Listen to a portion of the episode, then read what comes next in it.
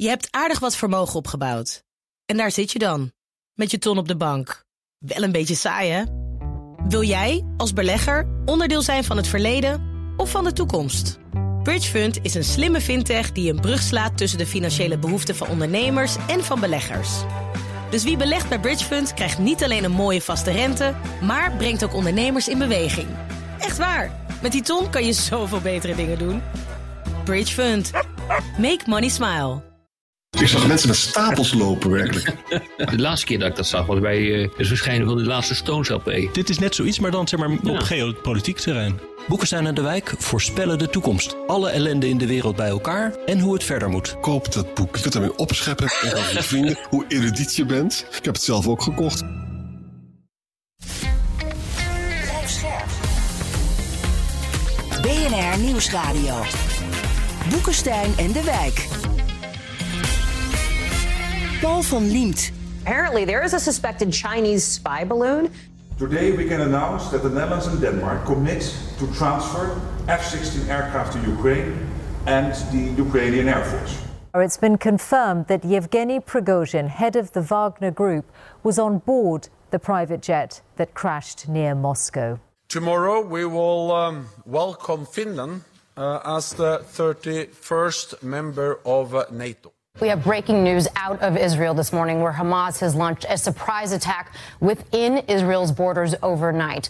There have been a series of maritime attacks claimed by Yemen's Houthi rebels since Israel's war on Hamas in the Gaza Strip has escalated. Ja, dat was de wereld in 50 seconden. Welkom bij Boekenstein en de Wijk op zoek naar de nieuwe wereldorde. 2023 loopt op zijn einde en begin dit jaar maakten we ons nog druk om een Chinese ballon. Intussen ging de oorlog in Oekraïne onverminderd verder. Kwam de Wagner Groep in opstand en raakte Israël en Hamas verzeild in een oorlog. Vandaag kijken we terug op het geopolitieke jaar. En dat doen we samen met voormalig minister van Buitenlandse Zaken en senator Ben Knapen. Welkom. Goedemiddag. Beginnen met Ben Knapen. Was dit een rampjaar? Of, want we, als we de hele geschiedenis bekijken, en u bent historicus, dus u kunt dat gewoon, die vraag durf ik gerust aan u te stellen. En als je dat een brede perspectief was, zeg je nou, dit mag je gerust als een rampjaar zien, of niet? Nou ja, een rampjaar dat gaat te ver, want dan moet je kijken naar 1672. En dat was echt een rampjaar. Uh, maar feit is wel dat we nu in evenementen en in tragische gebeurtenissen naar de oppervlakte zien komen wat al een paar jaar aan de gang is. En dat is eigenlijk niet zo geweldig. Ja, niet zo geweldig, maar dat betekent ook uh, met name als we naar Europa kijken, is er iets heel bijzonders gebeurd. Uh, waar is het ooit bloediger geweest dan hier? En we hebben het maar over de beschaving en die neemt toe en er loopt ja, daar klopt dan niets van. Want dat is in Europa in 75 jaar nog nooit zo het bloedigste deel van de wereld Nee, heeft hier plaatsgevonden? Het, uh, kijk, voor Europa ziet het er eigenlijk buitengewoon slecht uit op dit moment. Daar moeten we onszelf niet zo over wijs maken. Um, in de Verenigde Staten is al geruime tijd een trend aan de gang van ofwel isolationisme in het slechtste geval en ofwel in het wat betere geval een oriëntatie op de risico's in Azië, op China. En dat betekent dat uh, de Verenigde Staten als veiligheidsgarant van Europa in betekenis afnemen. Europa zelf is verdeeld. Je ziet in nogal wat Europese landen zie je ook uh, naar binnen gekeerdheid in een sterkere vorm naar voren komen. Uh, de relatieve positie van Europa wordt ook geringer. Als je gewoon kijkt naar hele simpele dingen als het bruto nationaal product over de laatste 10, 15 jaar, zie je gewoon dat Europa ten opzichte van China en de Verenigde Staten behoorlijk achteruit loopt. Dus uh, je ziet hier een, een situatie die wijlen de door mij bewonderde Mathieu Zegers uh, noemde als het management van de decline. En uh, daar ja. zijn wij nog niet uit. En Rusland, ja, daar zie je dus nu de eerste signalen in, in Europa dat men eigenlijk het, een beetje moe is hier en vindt dat het zo geleidelijk aan wel kan. en dat het dus moeilijker wordt om steun te verwerven voor Oekraïne. Dus als je alles bij elkaar optelt, zijn de signalen van het afgelopen jaar die zijn buitengewoon beroerd. Ja, vooral als het geleidelijk aan kan. Wat, wat vinden we dan precies daarvan? Wat kan er geleidelijk aan? Nou, kijk, de, sinds het najaar is, uh, zie je over het algemeen dat uh, de belangstelling voor, de steun voor Oekraïne afneemt.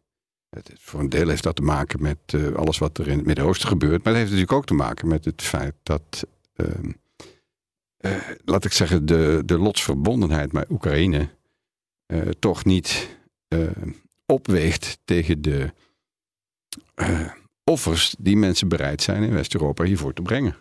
Um, En als je in Nederland bij de laatste verkiezingen kijkt, daar is helaas nooit gesproken over buitenlandse politiek, want dat vinden mensen ver weg. En de media die hebben daar kennelijk ook weinig aan gedaan. Maar als je sinds die verkiezingen ziet ook in Nederland er hele discussies in het parlement plaatsvinden over de vraag of wij Oekraïne nou verder moeten steunen of niet.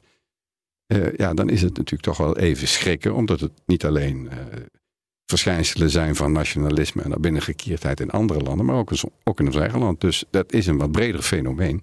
En dat is, vind ik, buitengewoon zorgwekkend. Maar ben, weet je, ik deel die analyse. Maar dat betekent dus ook dat die, dat die Oh, ga maar, nou, uh, Arjan. Ik deel die analyse natuurlijk helemaal. Maar laat ik even aan de andere kant van de boot hangen. Ik ben altijd een sommermans. En ik probeer ook een beetje het glas half vol of half leeg. Hè. Ik heb toch ook een beetje de hoop ben dat in de EU nou met loodgieterij bezig zijn in januari. Om toch dan die, die deel van die Oekraïne-steun dan toch te doen. Hè. Dan zonder Orbán. Er zijn natuurlijk loodgietersoplossingen voor dat er toch iets komt.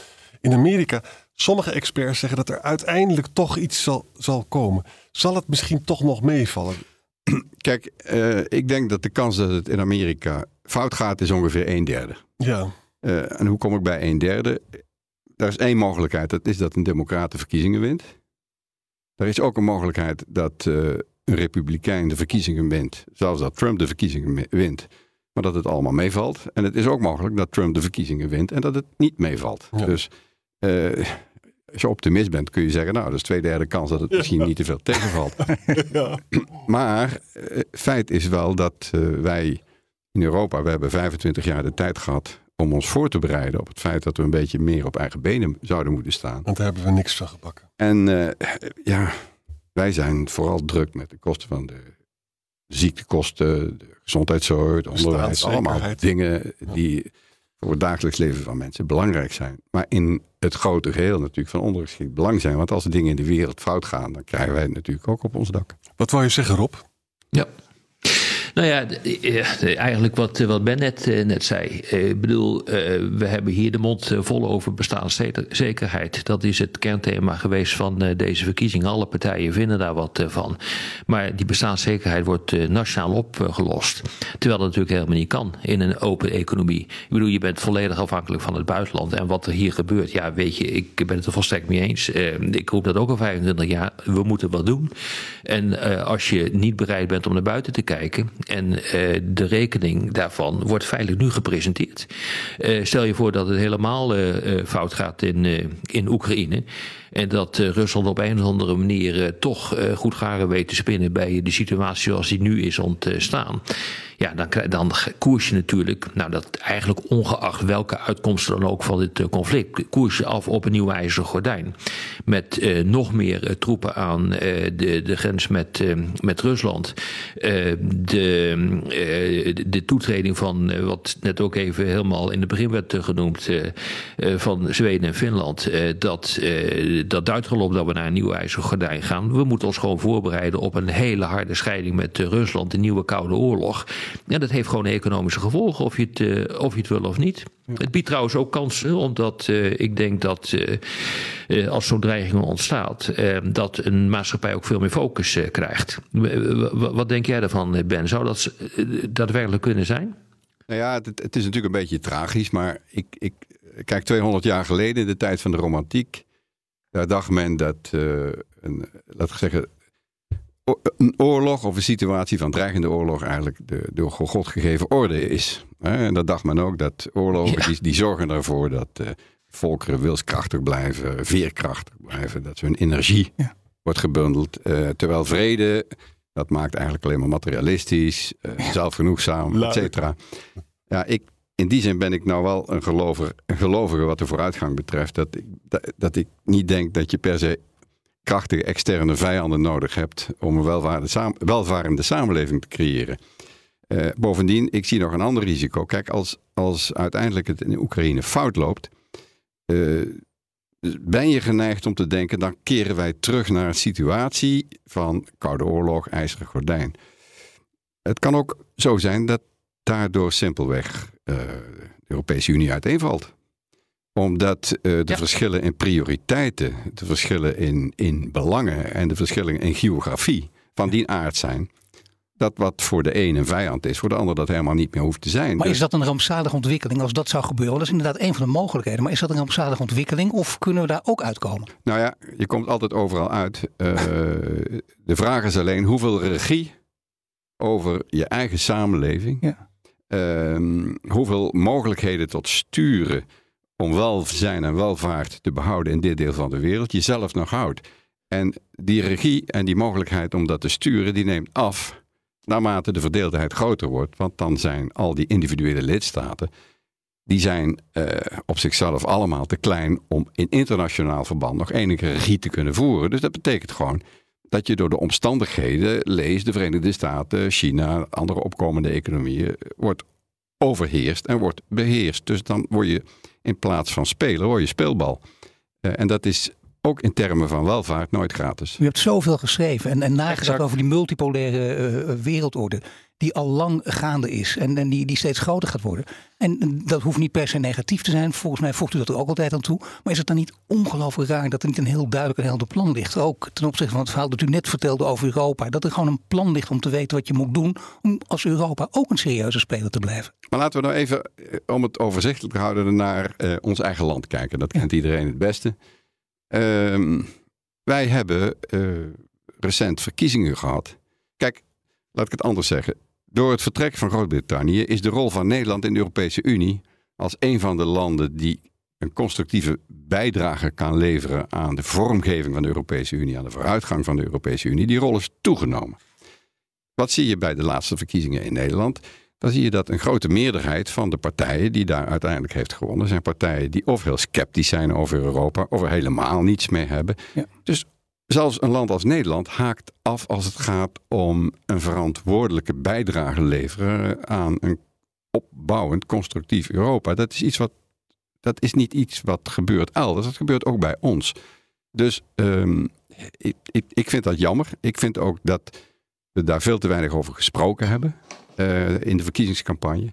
Eh, eh, waardoor het bewustzijn van die verantwoordelijkheid ook te weinig tot uiting is gekomen. Eh, en in die zin denk ik dat we nog wel wat herkansingen zullen krijgen. Maar ik geef maar even aan dat het een verschijnsel is wat niet alleen zich elders afspeelt, maar ook in ons eigen land. Ja, en dan moet je even vergelijk maken met het Verenigd Koninkrijk, waar Tony Blair eh, onlangs heeft gezegd dat door de, eh, door de Brexit, als niet Tony Blair, eh, Cameron, eh, de nieuwe minister van Buitenlandse Zaken, onlangs heeft gezegd dat door de Brexit eh, is gebleken dat zijn land eigenlijk eh, te klein is om een verschil eh, te maken en te groot is om totaal irrelevant te worden. Dus ook daar ziet men dus op dit ogenblik in dat je dit dus absoluut niet alleen kan doen. En de gevolgen die zijn daar dus ook, ook met betrekking tot de exporten die echt problematisch zijn naar de Europese Unie, standaarden waaraan je aan moet voldoen, allerlei controles aan de grens waar je aan moet voldoen. En die discussie loopt hier ook in Nederland totaal niet. Maar laat, even lijkt wel. al- Ja. Ben Knapen mag je zo meteen. Ja, daar moet je ja, even over nadenken, denk ik. En dan gaan we zo meteen over, over ongeveer vijf seconden. Dan, dan, dan is er weer een heldere eh, formulering mogelijk. Dan gaan we verder. BNR Nieuwsradio. Boekenstein en de Wijk. Ga je gang, Ben. Ja, kijk, want Rob die zet de boeken, die, die zaak even op scherp. We zijn op zoek naar de nieuwe wereld door. De Boekenstein en de Wijk. En dat programma is natuurlijk niet zonder Arend-Jan Boekenstein en Rob de Wijk. Mijn naam is Paul van Diem. We praten met voormalig minister van Buitenlandse Zaken en senator Ben Knapen. En die heeft een heel mooi antwoord bedacht. Nou kijk, eh, als je de, de, de recente... eh, even anders geformuleerd. Binnenkort zou de Europese Unie eigenlijk zo'n 20 miljard moeten uittrekken voor steun aan Oekraïne. Eh, Hongarije die spreekt daar een veto over uit, dus moet je een bypass bedenken. Een bypass die bedacht is, dat is dat de Europese Unie de kapitaalmarkt opgaat en dat 26 landen, dus minus Hongarije, garant staan voor een lening van 20 miljard. Dat is een truc die eerder is toegepast en dat kan eigenlijk wel. Er zijn een paar landen waar het parlement akkoord moet gaan met eh, het feit dat de Europese Unie de kapitaalmarkt opgaat. Een van die landen is Nederland. En die Bij- gaat tegenstemmen. Bij het laatste debat hierover, dat was in- bij het coronafonds, ehm, heeft eh, Hoekstra. onder meer eh, heeft dit kabinet eh, sterk daartoe aangespoord door eh, toen fel oppositievoerende omzicht, beloofd dat dat één keer zou gebeuren en nooit weer. Eh, nu komt dus de test. Wat hebben wij over voor een constructieve Europese Unie? Willen wij daar iets voor over hebben? Of zeggen wij, nou weet je, dat is helemaal niet nodig, want die 20, dat, die 20 miljard, wat voor Nederland 1 miljard betekent, eh, die, die besteden we aan. Hogere salarissen voor onderwijspersoneel of zo. Dat is natuurlijk uh, verleidelijk. Uh, het is wat kortzichtig. Uh, maar het kan gebeuren. Dus dat soort tests kan allemaal komen de komende tijd. Wat hebben wij daarvoor over en wat zijn wij in staat om ook andere landen um, ertoe te bewegen, uh, offers te brengen voor iets wat wij vinden dat de moeite van het behouden waard is, namelijk nou, in dit deel het is de denk ik nog ernstiger. Het is denk ik nog ernstiger, uh, Ben. het gaat ook om voor onszelf. Dan stel je voor dat dat fout gaat. Ik heb net al even dat apocalyptische beeld geschetst, wat eigenlijk al in wording is over een nieuw ijzeren gordijn, een totale afgrendeling van Rusland. Uh, als dit dus echt gewoon fout gaat, uh, dan zou die 20 miljard wel eens een keer een kleine investering kunnen zijn in je eigen veiligheid. Omdat dat misschien wel gaat betekenen als dit fout gaat, dat je defensiebudgetten misschien wel voor twee of drievoudigd uh, moeten worden. Uh, dus het is uitermate kortzichtig wat hier gebeurt. Dat woord heb je zelf ook gebruikt. Maar het gaat ook over onszelf. Het is niet alleen maar het resultaat van een morele politiek dat je die arme Oekraïners wil helpen. Nee, je helpt jezelf er ook mee. En die relatie wordt denk ik niet gelegd in het Nederlandse debat. En even nog uitleggen voor de luisteraar in Zaltbommel. Wat, wat Ben zegt is natuurlijk heel angstaanjagend. Nou ja, en in van Amsterdam en overal, hè? Ja, van de PVV hebben we niets te verwachten van Casper Veldkamp bij het NSC met het punt met, met de COVID-fondsconstructie ook niet, denk ik. Omtzigt heeft zichzelf daar. Die zit, die zit heel erg conservatief in die hele eurodiscussie. Die gaat dat ook niet doen. VVD, Hand en Broeke is daar geen Kamerlid meer. Hè? Dat betekent dat ze zou ook zomaar zich daar tegen uitspreken. Dus we moeten er misschien al rekening houden dat die constructie dan dus wordt gevetoed door Nederland. Nou ja, kijk. Ik, Nee, kan niet gevetoed worden? Ja, zeker. Uh, kijk, je hebt voor. Uh, als je de kapitaalmarkt opgaat, dan heb je de steun nodig van alle deelnemende leden. Het, theoretisch zou je kunnen zeggen, het kan ook nog met minus Orbán en minus Den Haag. Ja. He, dus dat, ja, dat zou theoretisch kunnen. Uh, maar vergis je niet, uh, Nederland speelt een belangrijkere rol sinds de Britten weg zijn uit de Europese Unie. Dus dat is van een andere orde dan Orbán of Cyprus. Ja. Uh, en dus- Duitsland wankelt. En in Duitsland is er ook een discussie. Ik denk in Duitsland dat daar het, uiteindelijk het verantwoordelijkheidsgevoel groter is dan in Nederland. dus dus, dus dat, dat, dat zou kunnen betekenen dat men het eventueel zonder Nederland doet. Maar ik geloof het niet, want ik denk dat het een alibi verschaft aan heel veel Ja. tegenstemmen in Europa. Heel goed. Omdat wij nu eenmaal het gewicht hebben wat we uh, tot nu toe hebben sinds het vertrek van de Britten. Het verschaft een alibi aan de Duitsers, aan Oostenrijk, um, Slowakije. Nou, ik vind wel, als ik goed luister naar Ben Knapen, denk ik dat dat lijkt me toch de grote uitzondering Duitsland. Juist vanuit historisch perspectief, dat juist de Duitsers inderdaad die verantwoordelijkheid hoe dan ook tot het einde toe zullen behouden. Ik, ik denk dat, uh, dat uh, laat ik zeggen, na de enorme schrik in Duitsland ja. uh, van een kleine twee jaar geleden, dat daar het, het, het besef dat verantwoordelijkheid uh, dit soort dingen met zich meebrengt, wel is toegenomen. Dus in die zin ben ik wat dat betreft wel wat optimistischer. Maar feit is dat, het, dat wij in een positie zitten dat we niet iets constructiefs doen, maar dat we alle zeilen moeten bijzetten om iets destructiefs te voorkomen. En de fase waarin Europa verkeert, betekent eigenlijk dat dat, dat te weinig is. Want wat wij nodig hebben. Maar is... dat, dat, Ben, dat is echt een groot probleem als je te maken hebt met politici die vinden dat de Europese Unie zelf destructief is. Zeker, zeker. Ja, ja, ja, ja. ja dat is ook zo. Dus kijk, als je, als je denkt dat het, uh, laat ik zeggen, dat, het, het, dat wij als uh, welvarende, relatief kleine en machtelozer wordende landen in Europa allemaal het beste af zijn wanneer we zelf afspraken gaan maken met de rest van de wereld en dan een vuist kunnen maken tegenover de rest van de wereld. Als je dat denkt en de consequenties daarvan niet doordenkt, ja, dan kun je bij zo'n conclusie uitkomen. Maar daar denk ik toch altijd dat als je dingen bespreekt, dilemma's voorlegt, dat je misschien toch wel een kans hebt om mensen te overtuigen. Maar, maar het lef hebben om die dilemma's voor te leggen, daar gaat het dan ook om. En ja, dat zie je toch ook bij ministers vaak de aarzeling. Terwijl je denkt, dit is nu het moment. Ik, ik vind het bijna te flauw om te zeggen sterk leiderschap ik, weer, ik weet niet hoe je dat moet formuleren. Maar toch iemand die dat wel gaat doen. Dat zou al een, dat zou al een witte raaf zijn, denk ik. Ja, maar wellicht komt het ook wel hoor. Maar ik bedoel, we begonnen de discussie met was het een rampjaar? Ik zeg nou een rampjaar, dat was 1672. Uh, maar er waren een aantal dingen die illustreerde dat er langlopende ontwikkelingen zijn die niet de goede kant uit gaan. En dat moet je een keer keren. En of wij dat weten te keren als een Europese Unie of een kleinere Europese Unie of een nieuwe Europese Unie, uh, dat, uh, dat weet ik niet. Dat is ook een vraag van de tweede orde. Maar een soort gevoel van urgentie dat wij hier um, de regie verliezen over ons, onze welvaart en over ons welzijn, dat gevoel van urgentie, ja, dat is er nog niet. Dus ook over onze bestaanszekerheid, waar die verkiezingen ging. En als je die link nou voortdurend legt, zou dat ja. helpen? Ja, maar weet je wat het is? Kijk, dit, die link leggen vergt ook een zekere mate van vertrouwen. Ja. Uh, want spreken over bestaanszekerheid in een geopolitieke context is knap ingewikkeld.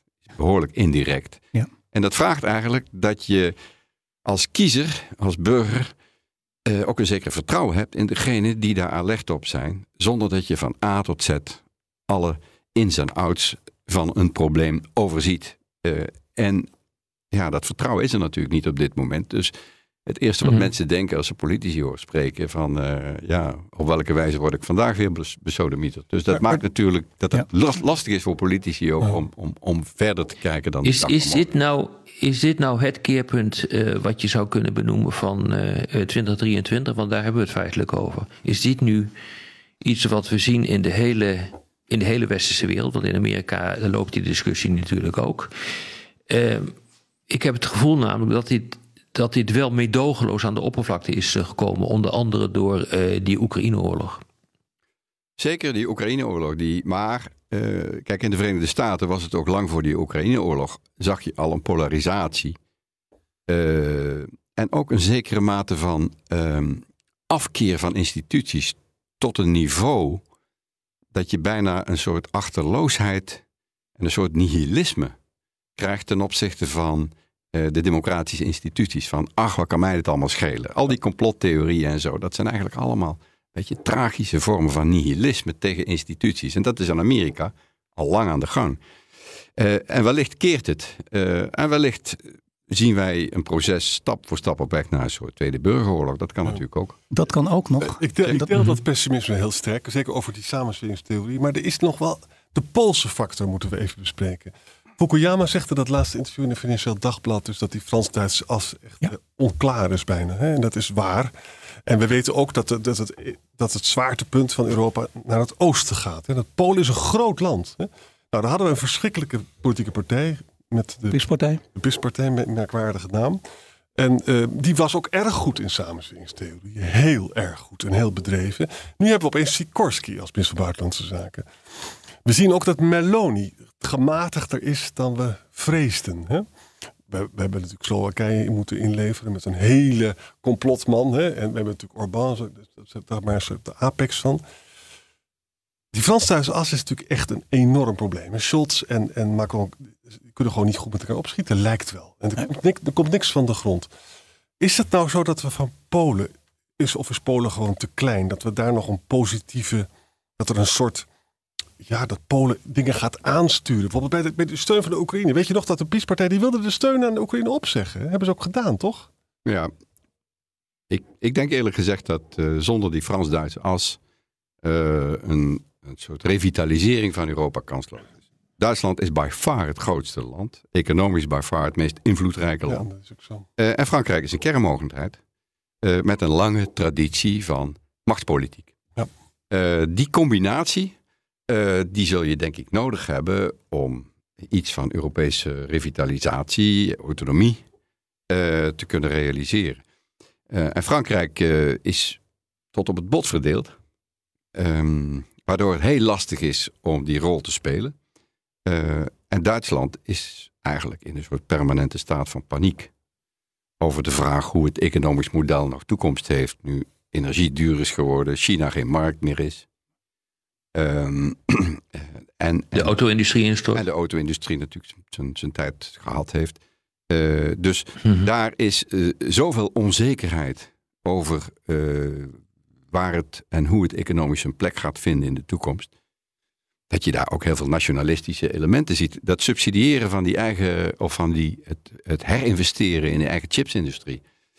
Dat zouden we op Europese schaal moeten doen. Maar ja, dat kan natuurlijk niet, want Europa heeft geen budget. Uh, en Duitsland heeft het geld. Ja. Um, maar dat betekent eigenlijk dat men enorm zoekende is. Nou, die combinatie van het op het bot verdeeld en buitengewoon onzeker mm over waar is onze plek in de toekomst, maakt dat, laat ik zeggen, de, de, de, de, de collectieve psychologie van die beide landen niet zo is ingericht dat er een grote vaardigheid is om de handen ineen te slaan. Maar wie weet, maar ben uh, het begin van alle oplossingen is een analyse. Maar en daar zijn we Arend-Jan die mag zo meteen door. Dat wil zeggen, niet op de radio, want hier ronden we af. Maar in de podcast gaan we langer door met luisteraarsvragen. En luistert u op de radio, dan verwijs ik naar boekensteinendewijk.nl of uw favoriete podcast app. Ja, we beginnen met Tom. Die heeft de volgende vraag. Hij zegt, zijn er landen die concrete voorbereidingen treffen... voor als de veiligheidsgaranties van de Verenigde Staten meer ambiguïteit gaan vertonen? Bijvoorbeeld door de break-out-tijd voor een eigen kernwapen te verkorten... Hij zegt daarbij: denk als Trump aan de macht komt, maar ook het Chicago voor Warschau tussen aanhalingstekens dilemma. Wie mag deze voorleggen? Ik denk dat nou, die, die vraag die, die, sluit wel aan bij wat, wat ik wil zeggen. Wat Ben net uitlegde in, de, in, tijdens de radio-uitzending, wat ook in de podcast zit, is dat in, Duitsland zijn ze eigenlijk heel erg bezig nog steeds met die zwarte cijfers en de schuldenbremse en de economische toekomst. Hè? En dat betekent dus dat iemand als van de FDP, nou, die zal ook zeggen, Oekraïne steun, dat wil ik dan wel redden, maar hij is dus heel zuinigjes. Hè? Dat is een probleem. En, en ook de economische toekomst is een probleem. En, de auto-industrie en, en de relatie met China belangrijker dan die met Amerika. Nou, dan gaan we naar Frankrijk toe. Kijk, stel je nou eens voor dat Trump echt wordt verkozen, november volgend jaar. En, en, en the worst comes to the worst. En ook eigenlijk de facto is die Amerikaanse atoomparaplu gedenatureerd. Wat echt een hele gevaarlijke situatie is. Dan zou je dus hopen dat Frankrijk bereid is om in die discussie dat het Franse kernwapen zou worden geëuropeaniseerd. Nou, daar zijn ze helemaal niet toe bereid. Door allerlei soevereinistische praten in Frankrijk en ook holistische praten, want dat vinden ze toch eng. Maar Marine Le Pen gaat dat helemaal niet doen. Dus dat betekent wel dat we goed in de shit zitten. Nou, kijk, als je de discussie in Duitsland. De Britten hebben het wel gedaan. Ja. Als je de discussie in Duitsland volgt, uh, daar is het bijna nog een taboe hè, om dit ja. aan de orde te stellen. Ja. Het gebeurt af en toe. Hè. Dus af en toe zie je zo eens een column in de Spiegel, en die Zeit. En dan zie je af en toe eens wat reactie erop. Van uh, moeten we niet iets, dat kernwapen Europeaniseren. Maar het is, het is logischerwijze nog een taboe. Um, maar ja, die dingen kunnen overigens, als het als, dat zich als de veiligheidsgarantie van de Verenigde Staten verdwijnt. Die dingen kunnen snel gaan. Uh, wat ik veel zorgelijker vind is, kijk, als, als Oekraïne steun verliest, dan kan Oekraïne de oorlog verliezen. Oekraïne kan ook besluiten om uh, een tussen aanhalingstekens fout uit de jaren negentig te herstellen en zelf een kernwapen te ontwikkelen. Uh, en dat maakt het natuurlijk buitengewoon gevaarlijk voor ons allemaal. Maar, maar, vind je eigenlijk niet, als dat de worst comes to the worst, dan moeten we dat kernwapen. En dan moeten we die politieke discussie ook steunen. We moeten zeggen, er moet inderdaad Europese meer Europese kernwapens komen. En de Europese Veiligheidsraad, dat kan toch niet anders, Ben? Ja, als je in de politiek zit, mag je nooit op if-vragen antwoorden. Want dan word je natuurlijk een valkuil ingetrokken. Maar goed, daar zit ik niet meer in. Dus uh, nee, dat, toch ben ik, dat gaat lekker makkelijk. Toch, toch, ben ik wel een beetje... Uh, ik hoorde al burgeroorlog, we gaan nu even lekker door. Ik, toch ben ik een beetje terughoudend. In die zin dat... Uh, kijk, hier zit heel veel aan vast. Uh, ja, met name ook de vraag, wat, hoe definieer, welke landen horen nog tot de Europese Unie? Wanneer je dit soort constructies gaat opbouwen. Wie voelt zich nog veilig onder deze paraplu? We hadden het net over Polen, die heeft een lange geschiedenis om zich onder deze paraplu niet veilig te voelen. Maar wat dan? Hm.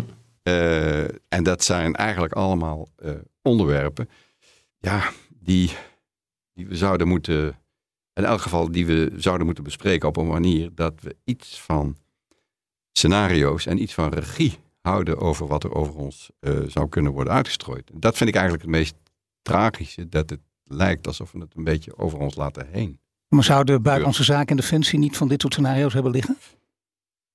Nee, maar even afgezien daarvan. Nee, dat is gewoon niet zo. Die liggen er niet. Nee, uh, maar even, even afgezien daarvan, het Britse kernwapen, dat speelt hier wel een belangrijke rol in. Hè? Er is een, uh, nog niet zo lang geleden uh, bij de aantreden, nou ja, drie jaar geleden, bij de aantreden van, uh, van Biden, is hij op tournee gegaan door Europa.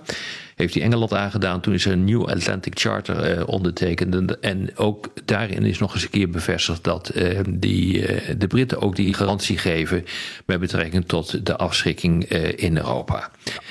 Of ze dat daadwerkelijk gaan doen, dat weten we niet. Laten we er maar op hopen dat ze dat gaan doen. Maar bij de Amerikanen weten het ook niet. En bij de Fransen zijn daar gewoon ambigu over. Maar de vraag was: zijn er landen die op dit ogenblik bezig zijn om na te denken eh, over een kernwapen om eh, dat gat te vullen als eh, dat ontstaat, als de Amerikanen zich terugtrekken? Volgens mij in Europa niet. In Azië ligt dat anders. Hè? Dus die discussie loopt wel, laten we zeggen, in Japan en in, in Zuid-Korea. Of het allemaal tot iets leidt, dat is een, een tweede vraag. Maar daar speelt ook een belangrijke rol bij dat Noord-Korea kernwapens heeft. Hè? Dus daar is de situatie feitelijk nog complexer dan hier in Europa. Dan, ga ik naar, dan ga ik naar Niels Kremers, want die wil heel graag doorgaan over, over Trump.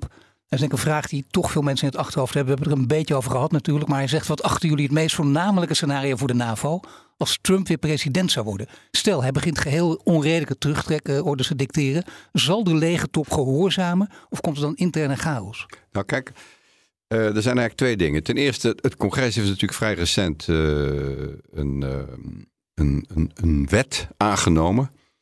ehm, die het een president onmogelijk maakt om zonder instemming van het congres uit de NAVO te stappen.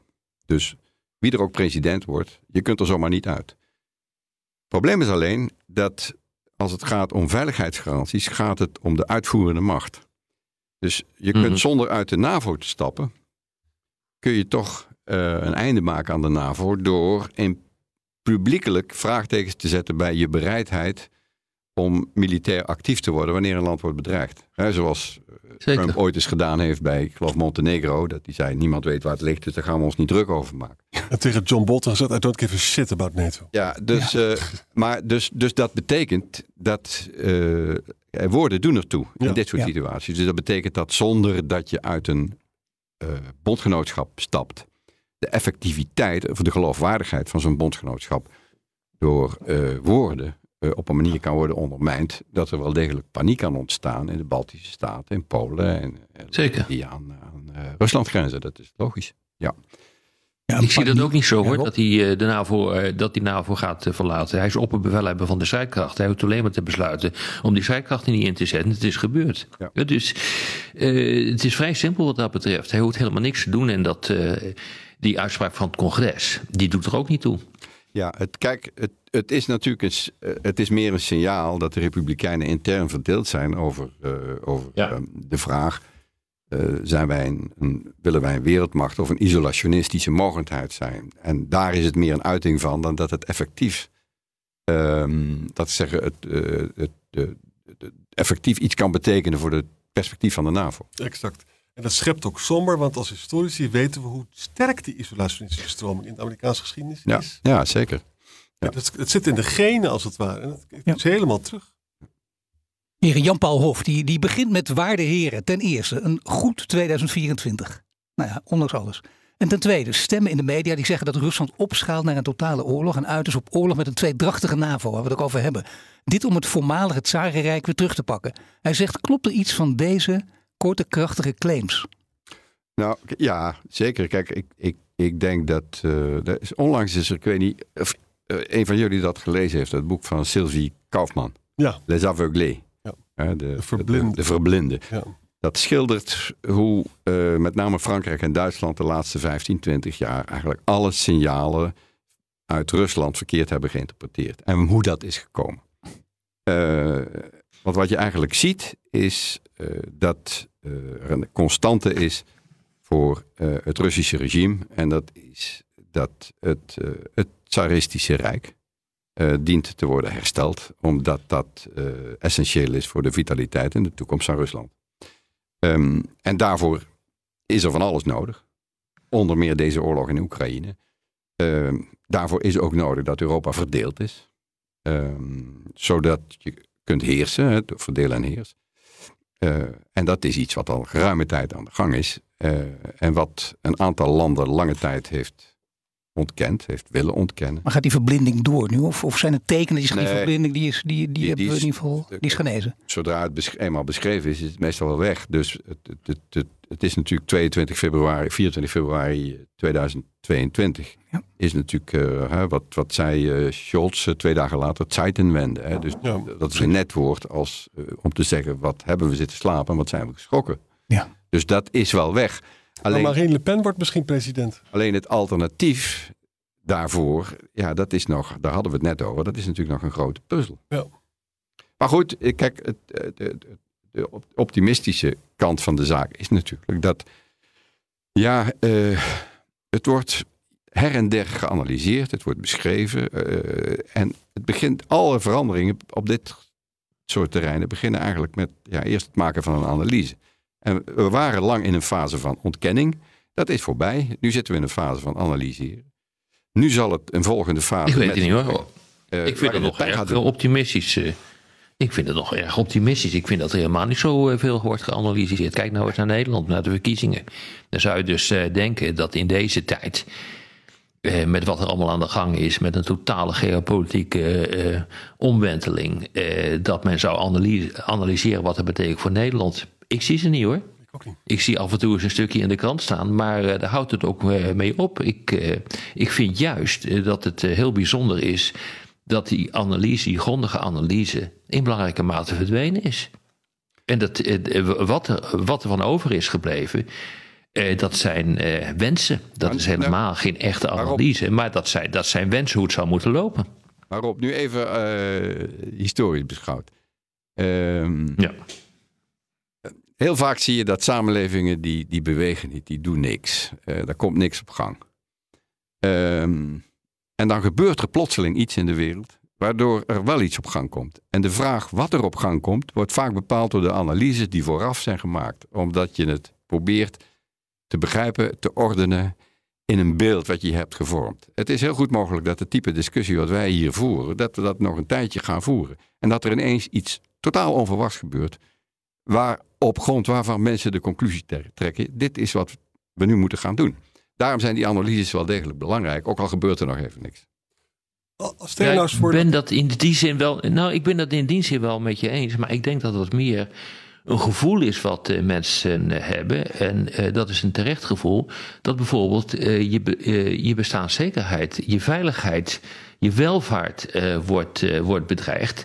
En dat je daardoor collectiever wordt. En dat je dus eh, het besluit eh, neemt om dan toch maar gezamenlijk te gaan eh, werken. Ik bedoel, zo is uiteindelijk natuurlijk ook de NAVO ontstaan. Nee, maar laat ik je eens een ander de voorbeeld Europese Unie is ook als, als, als, als een vredesproject begonnen. Maar laten we even kijken naar iets wat intussen misschien triviaal is, maar ons drie jaar geleden allemaal enorm bezig hield. Dat is namelijk gezondheidszorg.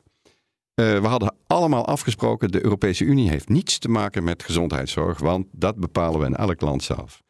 Toen ontdekten we door schade en schande in een paar maanden dat we totaal afhankelijk waren van landen buiten Europa om aan medicijnen te komen. Wat zie je dan? Nederland denkt samen met Duitsland en Italië ergens handig medicijnen in te kopen. Dat mislukt binnen een week, omdat iedereen denkt: ja, hoe doen we dat dan met België? Hoe doen we dat dan met Luxemburg en met Spanje? Binnen een maand hebben we een groot Europees project om iets te doen met medicijnen. Intussen hebben we allemaal rapporten wat er misgegaan is, omdat we er ook niets van afwisten als Europese Unie en als ambtenaren in Brussel. Maar we deden het wel. En waarom? Omdat we jarenlang met elkaar gediscussieerd hebben over de vraag: waar loopt de grens tussen economie, open grenzen en gezondheidszorg? Ehm, daar hebben we het zo vaak over gehad dat mensen zich wel degelijk bewust waren van het feit dat bijvoorbeeld die hele farmaceutische sector niet nationaal te definiëren valt. En dus vielen er dingen op een plek waar iedereen tevoren zei: ach, in Brussel gebeurt niks, niemand doet wat. En toch heeft het geholpen dat we het daarover hadden tevoren. Eens. Eens, maar dat is klein en tastbaar. En waar we het nu over hebben, geopolitieke veranderingen, bedreigingen uit het Ja, oosten. ben ik met je. Dat, Ja. is, eh, dat is veel abstracter en dat is veel lastiger eh, te grijpen. Daar kunnen wij uren over eh, praten en daar maken we nu al tien jaar een podcast over. Eh, maar het is heel erg lastig om dat tussendoor te krijgen hoor. Soms moet de crisis nog erger worden om iets in beweging te brengen. Maar je kunt ook de andere kant op redeneren. Hè? Stel je voor dat je de Suwalki Gap hebt, Litouwen. Hè? Het kan allemaal gebeuren. Het Maar wat jij Amerikaanse zegt, Fukuyama zegt dat ook. Ja. Die zegt dat ook. Het Amerikaanse atoomparaplu valt weg en hij pakt dus een stukje Litouwen. We zijn allemaal verstijfd van schrik. Je hoopt dan dat er die discussies over kernwapens dan op de gang komt. Maar wat ook kan gebeuren, is er zijn natuurlijk Poetin versteende elementen in Duitsland die wat groter worden. De AFD groeit. Ook in Italië zit het vol met mensen die eigenlijk een vergelijk met Rusland. hebben. Trouwens, Frankrijk ook, historisch ook. Met andere woorden, wat, je, wat jij in het begin zei, weet je wel, je zei van het kan ook zijn dat de EU uit elkaar kan vallen. Je moet er niet aan denken. Maar het is een reële optie dat dat ook gebeurt. Terwijl die verschrikkelijke aanval van. eh It could go either way. Ja. Maar pas dan verandert er dus nou ja, iets- weet je, echt. dat is echt interessant hoor. Die- Misschien nog even, dat is echt een interessante discussie. Want het kan inderdaad allebei de kanten opgaan. Maar eh, de geschiedenis, en daar geef ik Ben eh, absoluut gelijk in. toont ook aan dat wanneer de grote dreigingen van buiten komen. maatschappijen collectiever worden. Dus dan zou je kunnen verwachten. eh, dat de Europese Unie en de NAVO juist versterkt zouden worden. Omdat men ongelooflijk goed inziet. misschien helemaal niet zo goed beredeneerd. Eh, dat je op die manier eh, door een sterkere Europese Unie en door een sterkere NAVO eigenlijk alleen maar overeind kan blijven in deze woelige wereld. Het zou me niet verbazen hoor. Ik eh, denk eerlijk gezegd dat die kans vrij groot is. Daar komt één ding bij, wat ook wel een pluspunt is. Kijk, ik zie de, de Groot-Brittannië de komende 20, 30 jaar niet meer lid worden van de Europese Unie. Dat, dat zou het land tot het bot verdelen. Eindeloze discussies met zich brengen. Maar op een terrein waar de Europese Unie nauwelijks bestaat, eigenlijk alleen maar embryonaal bestaat, en waar grote urgentie is om werk van te maken, namelijk defensie, Dat kan wel. daar zou een bypass Ja. denkbaar zijn dat Groot-Brittannië wel degelijk een rol gaat spelen hier. Ehm, eh, om, laat ik zeggen, niet om die brexit ongedaan te maken, maar wel om op een andere manier eh, toch aansluiting te zoeken bij het continent waar de stabiliteit ook voor Groot-Brittannië van groot belang is. Eh, en daar liggen dus wel mogelijkheden. Dat is ook iets wat de afgelopen via de defensieindustrie bijvoorbeeld. Ja, ja, bijvoorbeeld, ja. Eens, eens, ja. Goed, dan gaan we afronden met een vraag van, eh, van Sandu Bux. Die zegt, er kwam onlangs een bericht naar buiten van Nikkei Asia... waarin stond dat Poetin tegen Xi tijdens een bijeenkomst in Moskou in maart 23 vertelde... dat Rusland minstens vijf jaar zal vechten in Oekraïne. En mocht dit bericht waar zijn, zegt Sander Bux... dan zal de Amerikaanse steun in dit tempo worden voortgezet... terwijl Poetin zich voorbereidt op een lange oorlog. Of zal hij met uitdagingen te maken krijgen? Nou, ehm, ik, ik, ik, ik weet niet wat er tussen Xi en, en Poetin gewisseld is. Eh, wat ik wel weet is dat eh, voor, eh, voor Rusland en voor het regime daar, dat men ten eerste een lange adem heeft. Dat het een vorm van nationalisme is om de vaardigheid te tonen dat men kan afzien, kan leiden, kan volhouden. Eh, dat daar ook alles op wordt ingericht. En dat Rusland een buitengewoon eh, eh, sterke oorlogseconomie heeft ontwikkeld het afgelopen jaar. eh, mede mogelijk gemaakt door het feit dat men volop inkomsten heeft. Ja, een sterke oorlogseconomie wil zeggen... en dat, je kunt natuurlijk niet helemaal in die zakken kijken... maar die, zij kunnen gewoon nog tien jaar doorgaan, of niet? Nou, ik, ik kan niet in de toekomst kijken, maar dat Rusland dit jaren kan volhouden, daar ben ik Ja. van overtuigd. En ze is beter in de oorlogsindustrie dan wij. Dat is ook nog een probleem. De markt gaat het bij ons niet oplossen, de munitie. Nee, maar goed. Wat een beetje is blijven hangen is eh eh, Arend Jan die dat zegt, eh, Fukuyama die dat ook zegt. Nou, dat zijn al twee grootheden bij elkaar. Als er een echte grote crisis gaat gebeuren, dat heb je eigenlijk nodig. Want dan pas worden we wakker. En ja, hoe erg het ook is, Ben Knaap, is dat dan toch niet een beetje de conclusie? Dat het, want we hadden het niet voor niks over een mogelijkheid. Is een burgeroorlog. Pas als er echt iets heel Nou. op scherp wordt gesteld, dan gaat er wat gebeuren. Kijk, eh, dat was naar aanleiding van de Verenigde Staten. Ik zie, ik zie in de Verenigde Staten inderdaad al lange tijd een polarisatie. Waar ik me alsmaar afvraag, hoe loopt dit af? Eh, komt er een soort gezond midden? Eh, en komt er een soort verlichte eh, tendens? Ja, of is, gaat die polarisatie door? En als die door blijft gaan, ja, dan eindigt dat een keer. kijk, als je niet meer met elkaar praat, dan komt het moment dat je alleen nog maar met elkaar vecht. Ja. Goed, mag jullie danken heren. Dit was Boekenstein en de Wijk. En namens Arend-Jan Boekenstein en Rob de Wijk zeg ik dank voor het luisteren. En natuurlijk speciale dank aan voormalig minister van Buitenlandse Zaken en senator Ben Knapen. Een fijn weekend en een fijne jaarwisseling. Je hebt aardig wat vermogen opgebouwd. En daar zit je dan, met je ton op de bank. Wel een beetje saai, hè? Wil jij, als belegger, onderdeel zijn van het verleden of van de toekomst? Bridgefund is een slimme fintech die een brug slaat tussen de financiële behoeften van ondernemers en van beleggers. Dus wie belegt bij Bridgefund krijgt niet alleen een mooie vaste rente, maar brengt ook ondernemers in beweging. Echt waar. Met die ton kan je zoveel betere dingen doen. Bridgefund. Make money smile.